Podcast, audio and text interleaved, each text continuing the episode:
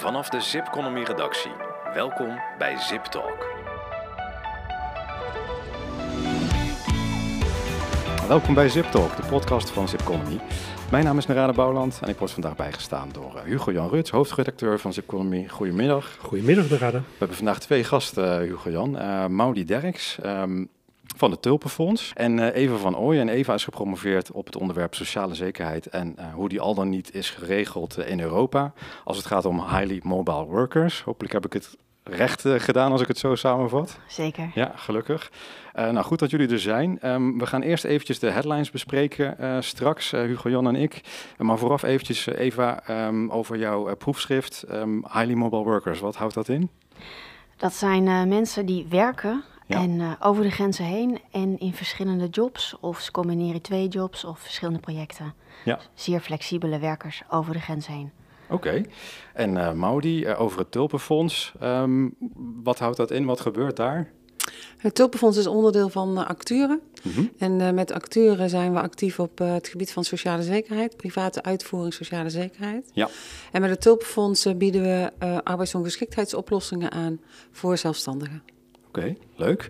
Nou, gaan we zo meteen uitgebreid over uh, verder praten. Um, maar we beginnen eerst even met uh, de headlines. Zip Talk Headlines. Hugo Jan, we beginnen met uh, politiek. Uh, ook niet voor het eerst dat we dat uh, doen. gisteravond stond het eerste deel van de behandeling van de begroting van het ministerie van Sociale Zaken op de agenda. Jij hebt dat debat gevolgd. Hoe ging dat? Ja, dat is altijd een beetje de hoogmis, zoals ze dat noemen. Ja. Er komt echt alles langs wat, wat maar met de arbeidsmarkt te maken heeft. Ja. Um, toch, maar, toch maar eventjes een, een, een klein debatje eruit halen wat, wat er plaatsvond. Gedachtenwisseling tussen Partij van de Arbeid en VVD. Mm -hmm. VVD, die uh, Kamerlid die, uh, Bart Smals, die een bevlogen pleidooi had dat we in het stelsel waar we over nu aan het praten zijn, waar ze in Den Haag over praten zijn, de werkende centraal uh, moeten stellen. Dat die de ruimte heeft om individuele keuzes te maken. Klassiek liberaal standpunt. Ja. Uh, Partij van de Arbeid die daarop reageert, uh, Barbara Katman, net zo bevlogen overigens, die zegt, ja wacht eens eventjes, er is ook meer dan het individueel belang. Vaak moet je ook het landsbelang en het collectieve belang boven het individueel belang uh, stellen. Mhm. Mm -hmm. Nou, het is altijd jammer dat dat in de Kamer dan niet, daar niet op doorgepakt wordt. Dat dit is wel de, het fundamentele debat Ja. wat er boven het ZZP-dossier hangt. Waar maken we daar nou een keuze uh, in? Um, en dat, ja, dat is eigenlijk heel interessant. En het is vooral interessant hoe dat nou in het debat verder gaat zich ontwikkelt. Ten eerste moet de minister hierop gaan reageren. Ja, En dan zullen we uh, binnenkort daar ook nog wel wat, wat meer over gaan horen. oké. Ehm, hoe gaat de minister dit nu verder aanpakken? Heeft ze daar al iets over gezegd? Nou, dat is wel, wel heel spannend. En het hangt, hangt als een soort van zwaard van Damocles boven de ZZP-markt. En ik denk Ja. dat, dat de luisteraars weer naar ZZP bent of opdrachtgever dat echt niet moet onderschatten wat er aankomt. Mhm. Er komt net na dit, dit grote debat een brief over hoe gaan we nou met de zelfstandigen. Werk Ja. als zelfstandige brief. En, en daar wil in de minister, vermoeden wij, en dat heeft ze ook wel, wel aangegeven, zeggen... ZZP'er inzetten voor kernfuncties binnen de organisatie, dat mag niet meer. Ja. En dat voor alle sectoren en, en, en, en heel generiek ding, eh, eh, eh, regel van maken. Voor alle sectoren, voor alle typen werk, van interim manager tot verpleegkundige. Ja. Nou, dat is nogal, nogal een radicale stap. En, en gaat dat werken, denk je? Nou, ik, ik, ik vrees toch van niet. Ik, ik, ik ben echt bang dat we hier een soort wet DBA in het kwadraat gaan Ja. krijgen. Want de definitie daarvan is, is lastig te doen. Ja. En iedereen heeft continu gezegd, pak nou sectoren aan. Eh, maar dat wil de minister niet, want de minister wil haast maken. Nou, dit, dit, dit gaat echt eh, eh, een, een boel uh, trammeland opleveren. Welk ander nieuws was er nog? Ja, we hadden op, op Zipconomy een interview met uh, Victor Broers. Uh, dat is naar aanleiding van het MBBU-congres, wat, uh, wat vrijdag is. interessante serie, daar ga ik elk jaar heen, Arbeidsmarkt van Morgen. Vind echt, echt een boeiende, boeiende reeks die ze daar neer, neerzetten. Ja. En wat Victor Broers zegt is een beetje uh, preken voor eigen parochie, MBBU, uitzendmarkt. Maar hij zegt van pleidooi van ja, die flexkrachten, uitzendkrachten en ZZP'ers, die, die zijn mentaal al flexibel. Ja. Die kunnen omgaan met veranderingen. En omgaan met veranderingen is wel wat we nodig hebben in, uh, in deze economie. Mm -hmm. Nou, misschien is dat een beetje te zwart-wit, maar het is natuurlijk wel een interessante uh, lijn om, om te, te houden. En dat was ook wat de commissie Borslap zegt. We moeten wendbaar zijn. Nou, alles weer terug naar het vaste contract, dan kun je wel afvragen of dat, of dat zo is. Dat, dat, dat vond ik een interessante invalshoek. Ja, en dan kan je meer over lezen op uh, Zeker, zeker. ja. En dan zag ik hier op de koffietafel een nieuw rapport uh, liggen. Het ging over de finance professionals. Uh, daar is een onderzoek naar gedaan. Kan je daar iets meer over vertellen? Ja, uh, net uit. Ehm, we hadden het in onze vorige podcast over ons brede onderzoek naar hoe kijken de opdrachtgevers naar inhuur van externe. Ja. Ehm, nou, wie dat niet gehoord heeft, moet zeker de vorige podcast nog even terugluisteren. Ja. Dit is veel specifieker, echt over één sector. En dat heeft uh, collega Joke Twicht gedaan in opdracht van uh, de finance sector. Ja. onderzoek over hoe kijkt nou de finance professional naar zijn eigen vak. Ja. En dat zijn zowel mensen die dat als interim doen als, als vaste doen. En daar gaan, daar gaan we in een van de volgende podcasts op, op terugkomen. En dan de afsluiter van, uh, van de headlines. Ja, ik, ik, weer een beetje nostalgie bijna. Ja. Um, we schreven vroeger heel veel over de dassen en over platformen. Ja. En, en, er waren toevallig twee artikelen daarover. Nou, DAS is een dynamisch aankoopsysteem. Een, een, manier om opdrachten in de markt te zetten die overheden heel veel gebruiken. Ja. Nou, vroeger heel veel aandacht voor, nu wat minder. Maar ze zijn er nog steeds. Mm -hmm. en, en, zeker niet minder dan vroeger. Nou, Flextender had een uh, webinar die heel praktische tips geeft. Hoe, hoe, maak je daar nou effectief gebruik van voor, voor freelancers en voor, uh, voor opdrachtgevers? Mm nou, nuttig om die nog eens een keertje terug te kijken als je in die hoek zit. En Raymond van Buren van uh, Bureau Significant, inkoopadviesbureau, die hebben net een onderzoek gedaan over al die dassen. En of je er nou wel of niet gebruik van moet maken. Nou, vond ik ook interessant materiaal als je in die hoek zit om nog eens een keertje terug te luisteren. Nou, dankjewel voor deze headlines, uh, Hugo Jan. Dan gaan we naar, uh, naar onze gasten. Uh, Maudi Derks is CEO van uh, Acture, de grootste private uitvoerder van de ziektewet voor eigen risicodragers.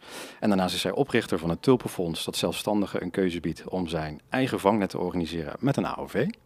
Ehm, daarnaast hebben we Eva van Ooy, dit jaar gepromoveerd aan de Universiteit van Maastricht met haar proefschrift getiteld Highly Mobile Workers and the Coordination of Social Security in the EU.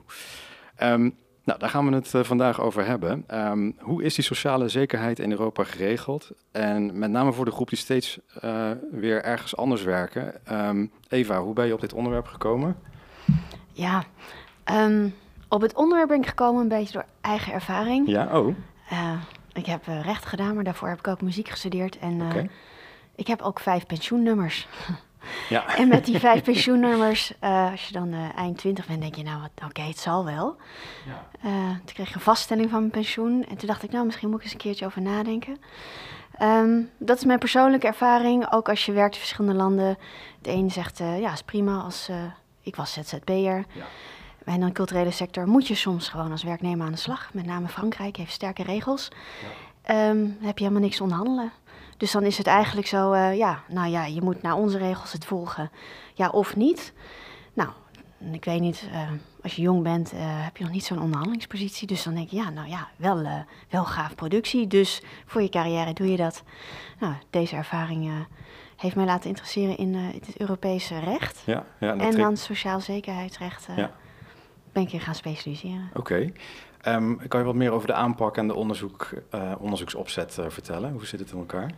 Uh, jazeker. Um, dus ik ben echt vertrokken van, van mijn eigen ervaring. Dat ik zeg van, goh, ik, je gaat bellen met de Belastingdienst, toch? Dat denk je dan. En dan, ik heb in Duitsland gewoon het Finansamt. En dan gaan ze uit van hun eigen regels. Um, dus ik dacht, goh, er is eigenlijk weinig over te vinden. Ja. En dan vragen ze meteen naar je contract. Nou, dan heb je die in verschillende talen. Nou, dat zal het eerste probleem waar je tegenaan loopt. Dus ik dacht, er, er zit eigenlijk weinig uh, tussen de realiteit, de werkrealiteit. In mijn geval was dat over de grens heen en flexibiliteit, verschillende werkvormen. En dan kijken, wie bepaalt dan die regels? Dus ik wou die eigenlijk met elkaar verbinden. En dat is ook in dit onderzoek. Uh, de startpunt is dus bottom-up. Wat is de sociale realiteit? Ja. Dan kijken naar wat, wat is er voor wetgeving. En dan terugkijken van ja, waar wringt het dan? En dat is anders aan dit onderzoek in de zin van vaak wordt gekeken, nou, nieuwe wetgeving, wat betekent die term? En dan ga je literatuuronderzoek doen. En dan gaan we eens denken, ja, voor welke sector is dit nou eens interessant? Ik heb hem dus andersom gedaan. Even over de doelgroep, hè, waar, hoeveel mensen hebben we het over? Ik las in je boek dat hè, 18 miljoen mensen in Europa die, die wisselen tussen landen om te werken en, uh, en dergelijke. Dus dat is ongeveer 5% van alle Europeanen, best veel ja. eigenlijk. Hoe, hoe is nou voor hun dan, om toch maar een beetje grip op het onderwerp te krijgen, hoe is nou voor hun die sociale zekerheid geregeld of niet geregeld? Ja, voor hun uh, is een soort verdeelinstrument. Dat is een coördinatieinstrument op Europees recht.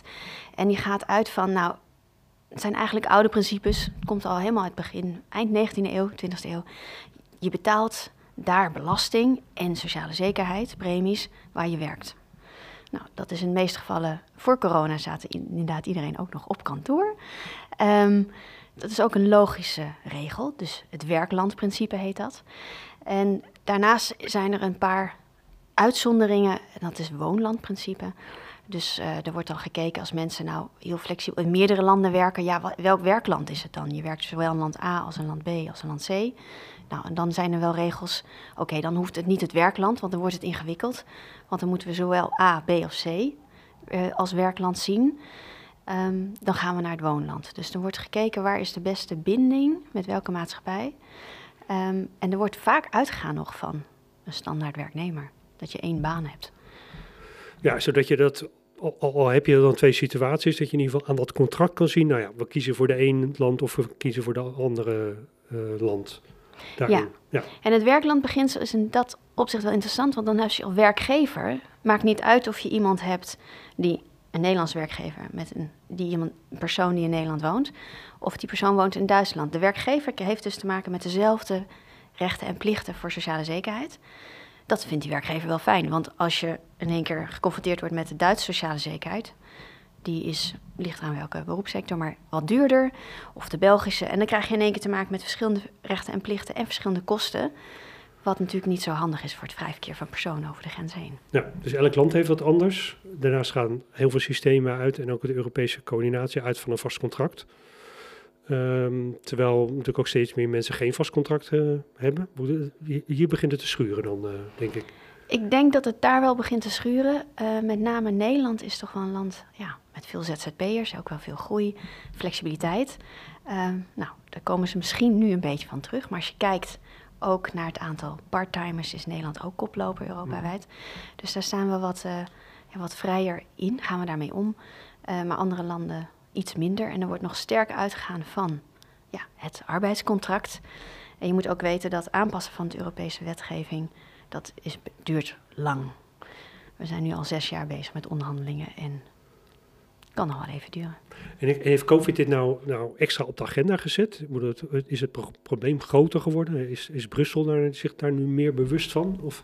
Zeker, zeker. COVID heeft, uh, door die coronamaatregelen moesten mensen nou, thuiswerken. Je mocht je huis niet meer uit.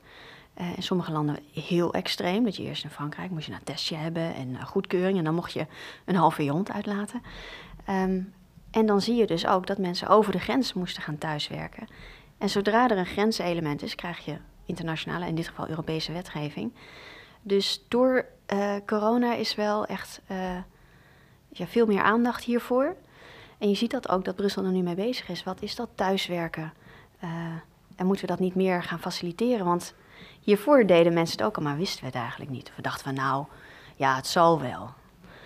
Dus, dus de groep groeit. Uh, en, dat komt deel door meer freelancers. Het komt ook door dat, dat arbeidsmobiliteit binnen Europa flink groeit. Dan is het nog eens een keertje, ja, werk ik nou thuis of ergens anders op een flexplek of op kantoor, wordt, wordt duidelijker.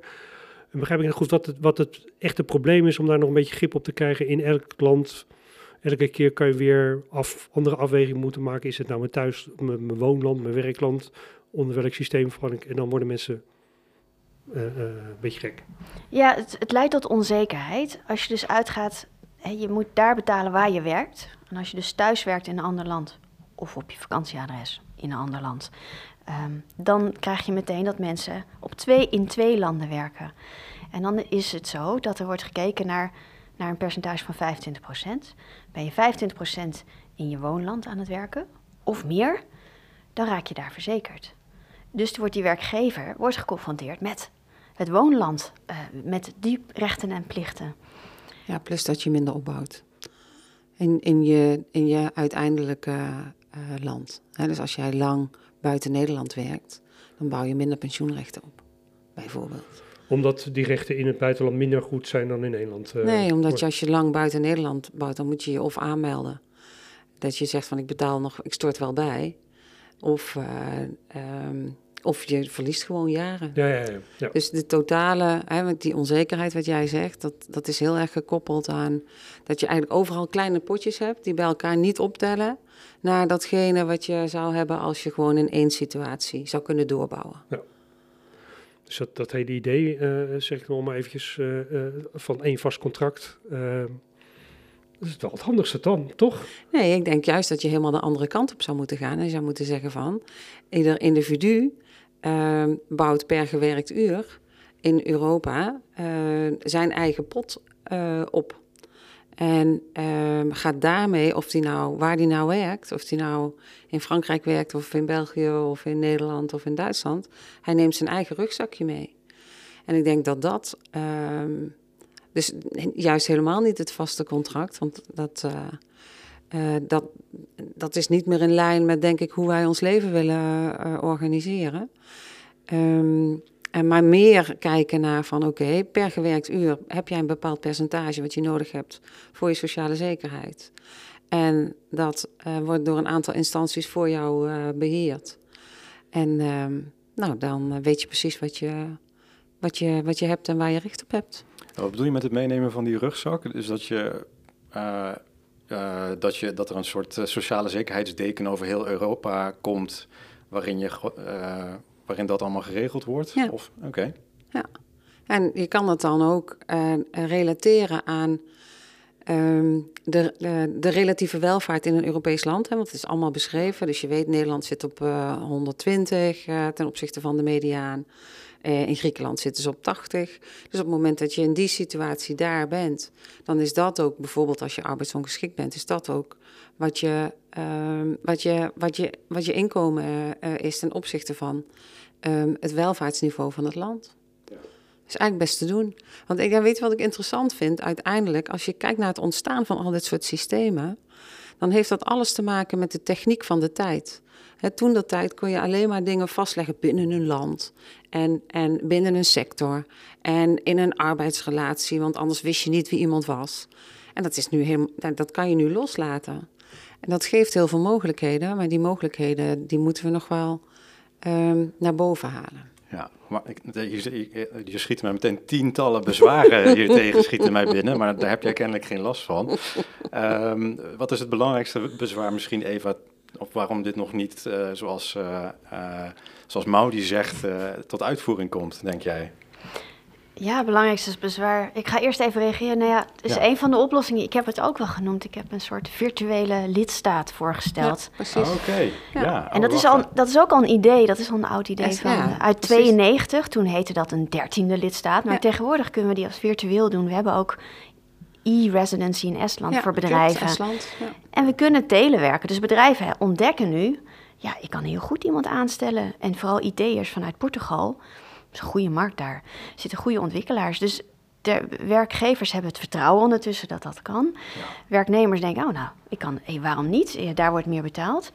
Bezwaren die er zijn, goh, er moet nog wel even wat verder uitgedacht worden. Want ik denk, um, er zitten vast wel bezwaren in. Ik kan dat niet zo oplepelen.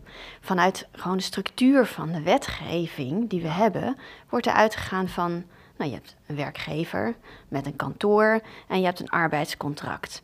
Dus een ander groot debat uh, dat jullie vast kennen is bijvoorbeeld de platformeconomie. Ja. Nou, je kunt gewoon klikwerken en ik doe even een taakje hier. Maar waar is die dan? Waar is die ene, als je een vertaalsessie doet voor een klant in land X, maar ik doe dat vanuit land Y. Ja. Waar zit die werkgever dan? De wetgever gaat nog uit van een werkgever en echt het fysieke, een fysieke plek en een virtuele plek, dus het virtuele werken, ja, is nooit bedacht bij het ontwerpen van deze systemen. Dus dat is er gewoon nog niet. Dus waar zit mijn bezwaar? Nou, ga je uit van de huidige systematiek en ga je het nieuwe fenomeen erin squeezen in dat corset? Ja. Krijg je altijd lastigheid, complexiteit en de een voor een nadeel? Of zeg je, we gaan kijken van ja, tegenwoordig hebben we ook virtueel werken en niet meer alleen het fysieke werken. Dus moeten we met iets nieuws komen. Maar in die platform, de EU heeft nu een platformrichtlijn. En wat ik daar nog wel weer aardig van vind, dan gaan ze een aantal criteria doen. En als je aan die criteria van doet, dan zeggen ze, nou, dan ben je weer werknemer. Dat is, dat is eigenlijk ook weer een, een, een, oud systeem, of een nieuw systeem proberen terug te dringen in een oud systeem. Deels, en het komt ook omdat de EU kan eigenlijk niks zeggen. Werknemer is aan de nationale lidstaat om te bepalen wie is werknemer, wie is wel zelfstandige. Dus de, de EU ziet dit probleem, maar het uiteindelijke, de wetgevende macht ligt bij de lidstaten. Dus ze mogen ook niet bepalen wie is een werknemer, wie is een werkgever. Wie. Maar ze proberen wel heel veel. En door dit te doen lopen ze eigenlijk het debat wel wat pushen. Maar uiteindelijk komt het erop neer wat de nationale lidstaten als werknemer zien.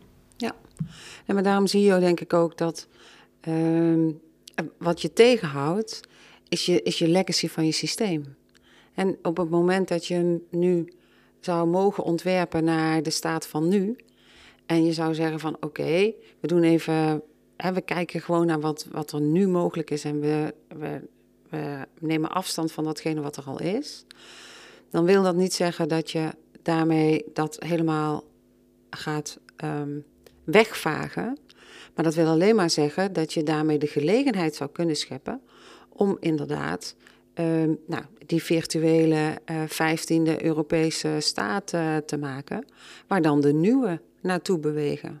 Heel simpel, hè? we hebben nu dat, uh, dat hele debat over het pensioenakkoord, om even een heel ander onderwerp te pakken. Maar sociale zekerheid heeft ook wel wat met pensioen te maken. En uh, daar hebben, dat hebben we besloten ten tijde van weinig inflatie uh, en stabiele positieve ontwikkelingen op de beurs. En toen hebben we gezegd van nou, um, dus gaan we dat pensioen afhankelijk maken van de beleggingsresultaten van pensioenfondsen. Nou, die zijn dit jaar desastreus hè, voor iedereen, dus ehm, ook voor pensioenfondsen. En dan blijkt in één keer dat dat variabele deel een veel te groot invloed heeft. En dan zeggen we, ja, maar nou kunnen we deze wetgeving eigenlijk niet gaan uitvoeren. Terwijl omdat je wat je probeert is een oud systeem en een nieuw systeem te migreren naar elkaar toe.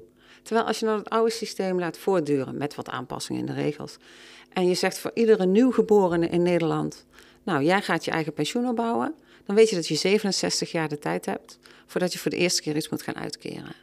Dus je hebt gewoon een enorme mogelijkheid om het op een andere manier te gaan organiseren. Ja, twee, twee parallele systemen zou je, dan, zou je dan krijgen. Is dat de oplossing om tot innovatie te komen? Want dit is, dit is natuurlijk het is mooi dat je dat pensioen naar voren haalt, maar je ziet het met, met, met, met vele zaken. De zelfstandige aftrek is eigenlijk ook zoiets. Dat zouden we nu nooit bedenken. Uh, dus je wil wat anders. Maar omdat we er niet uitkomen, hoe ga je van oud naar nieuw, schaffen ze maar gewoon helemaal af. Um, en, en je zou dat natuurlijk eigenlijk een beetje naast elkaar willen, willen doen. Denk je, denk je dat dat dan... Eva, kijk even naar... naar of dat haalbaar jij, is? Jij, jij, komt ook met, een, met dat virtuele... Ja. Deze, zou dat een, een proeftuin moeten zijn? Dus even kijken voor een specifieke groep gaan we hiermee beginnen. Ik denk uh, vanuit Europees recht kun je als lidstaat zeggen: ja, we willen dat eens proberen. En je kunt afspraken maken, ook met je buurlanden. Dus daar is mogelijkheid toe om dat, om dat te doen vraagt wel echt heel veel lef. dat vraagt het. Ja, maar uit, ja, uiteindelijk zie je ook dat, dat uh, je ziet een ontwikkeling. Kijk, sociale zekerheid, dat moet je wel heel serieus nemen. Ik vind het namelijk een van de pijlers onder de Europese cultuur. En wij zijn de, het meest ontwikkelde uh, continent als het gaat om sociale zekerheid. En dat gooien we nu een beetje weg, omdat we de oude regels te lang vasthouden ten opzichte van nieuwe mogelijkheden.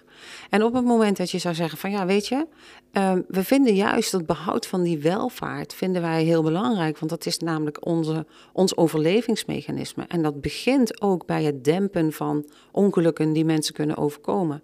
En dus met een, een goede sociale structuur daaronder, ja, dan heb je al, al, al volgens mij hele solide uitgangspunten.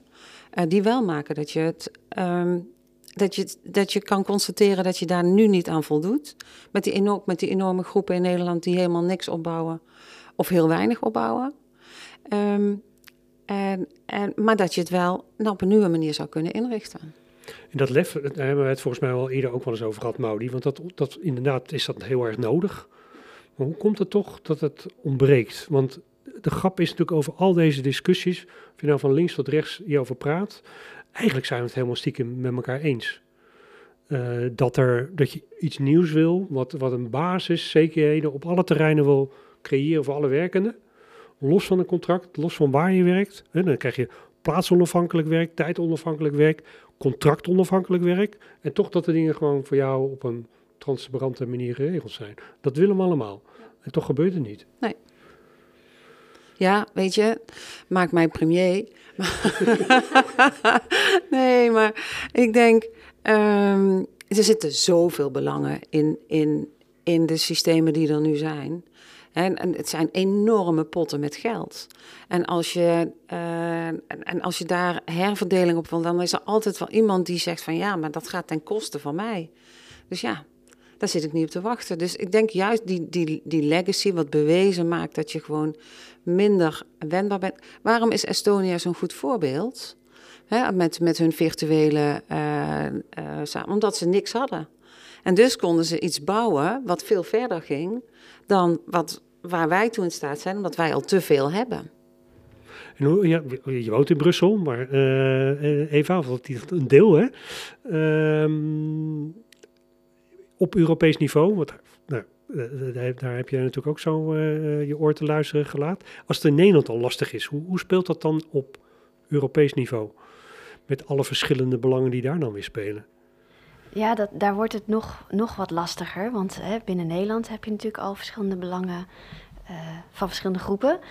En je hebt, wat jij, Maudie, juist zei, grote verschillen binnen Europa. Dus we hebben natuurlijk ook de, de, de meer oudere West-Europese lidstaten, die gewoon rijker zijn, een, een, een hogere sociale uitkering voorzien dan de voormalige Oost-Europese lidstaten. En dat verschil is er nog altijd. Dus je ziet uh, Oost-Europese lidstaten hebben veel meer te maken met hun jonge, jonge werkende krachten. Die moeten zorgen voor de betaalbaarheid van hun systeem. Die allemaal gaan naar de, naar de rijkere West-Europese landen. Dus die hebben te maken met een brain drain. Die zijn veel meer geïnteresseerd in. Nou, we moeten hier ook nog verplegers houden voor onze coronapandemie. Dus die zijn veel meer behouden. Daar zit het belang bij, behouden van werkkrachten. En uh, hier is het veel belang ook de, betaalbaarheid, uh, de arbeidsmarkt. Er zijn andere belangen. Plus dat er andere inrichtingen is per systeem. Bouw je in Nederland bouw je AOW op, 2% per jaar. Dus nou, het is van belang dat je 40 jaar in Nederland dat opbouwt. En als je even naar het buitenland gaat, meld je alsjeblieft aan voor een vrijwillige verzekering, inderdaad. Dat verkondigen niet als je de grens overgaat. Er staat niemand met een vlaggetje van, hé, hey, uh, doe dat even, dat is jammer, zou helpen. In andere lidstaten zie je dat ze kijken naar hoe lang je hebt gewerkt, maar ook hoeveel je hebt bijgedragen. Dus in Nederland is het gewoon, ook al werk je maar een week per jaar, krijg je in principe jouw 2% AOW.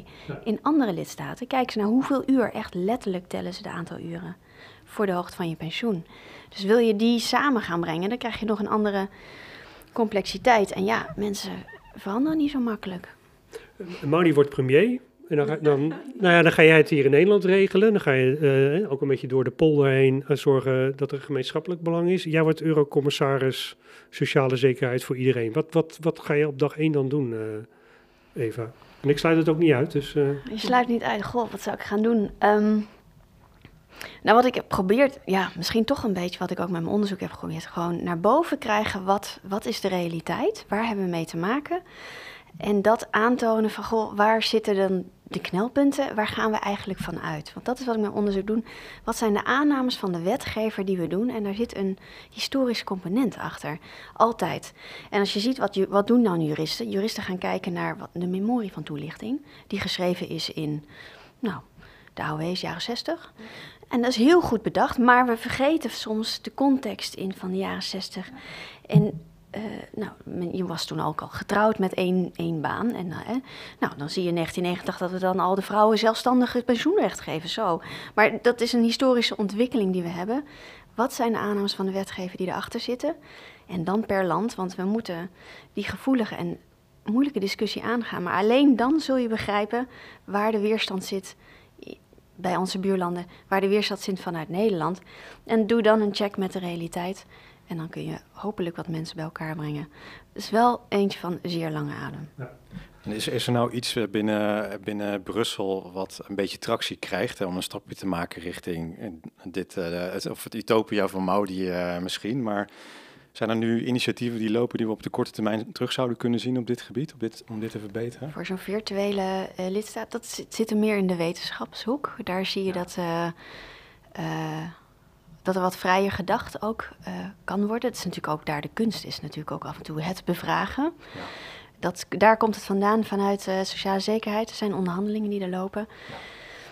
Ja. Niet altijd. Um, het virtuele is nog wel. Uh, ja, wat ik ook wel zie, wat ik ook wel hoor, en, en met name bij grote multinationale uh, werkgevers, uh, die ook te maken hebben met arbeidsmarktkrapte.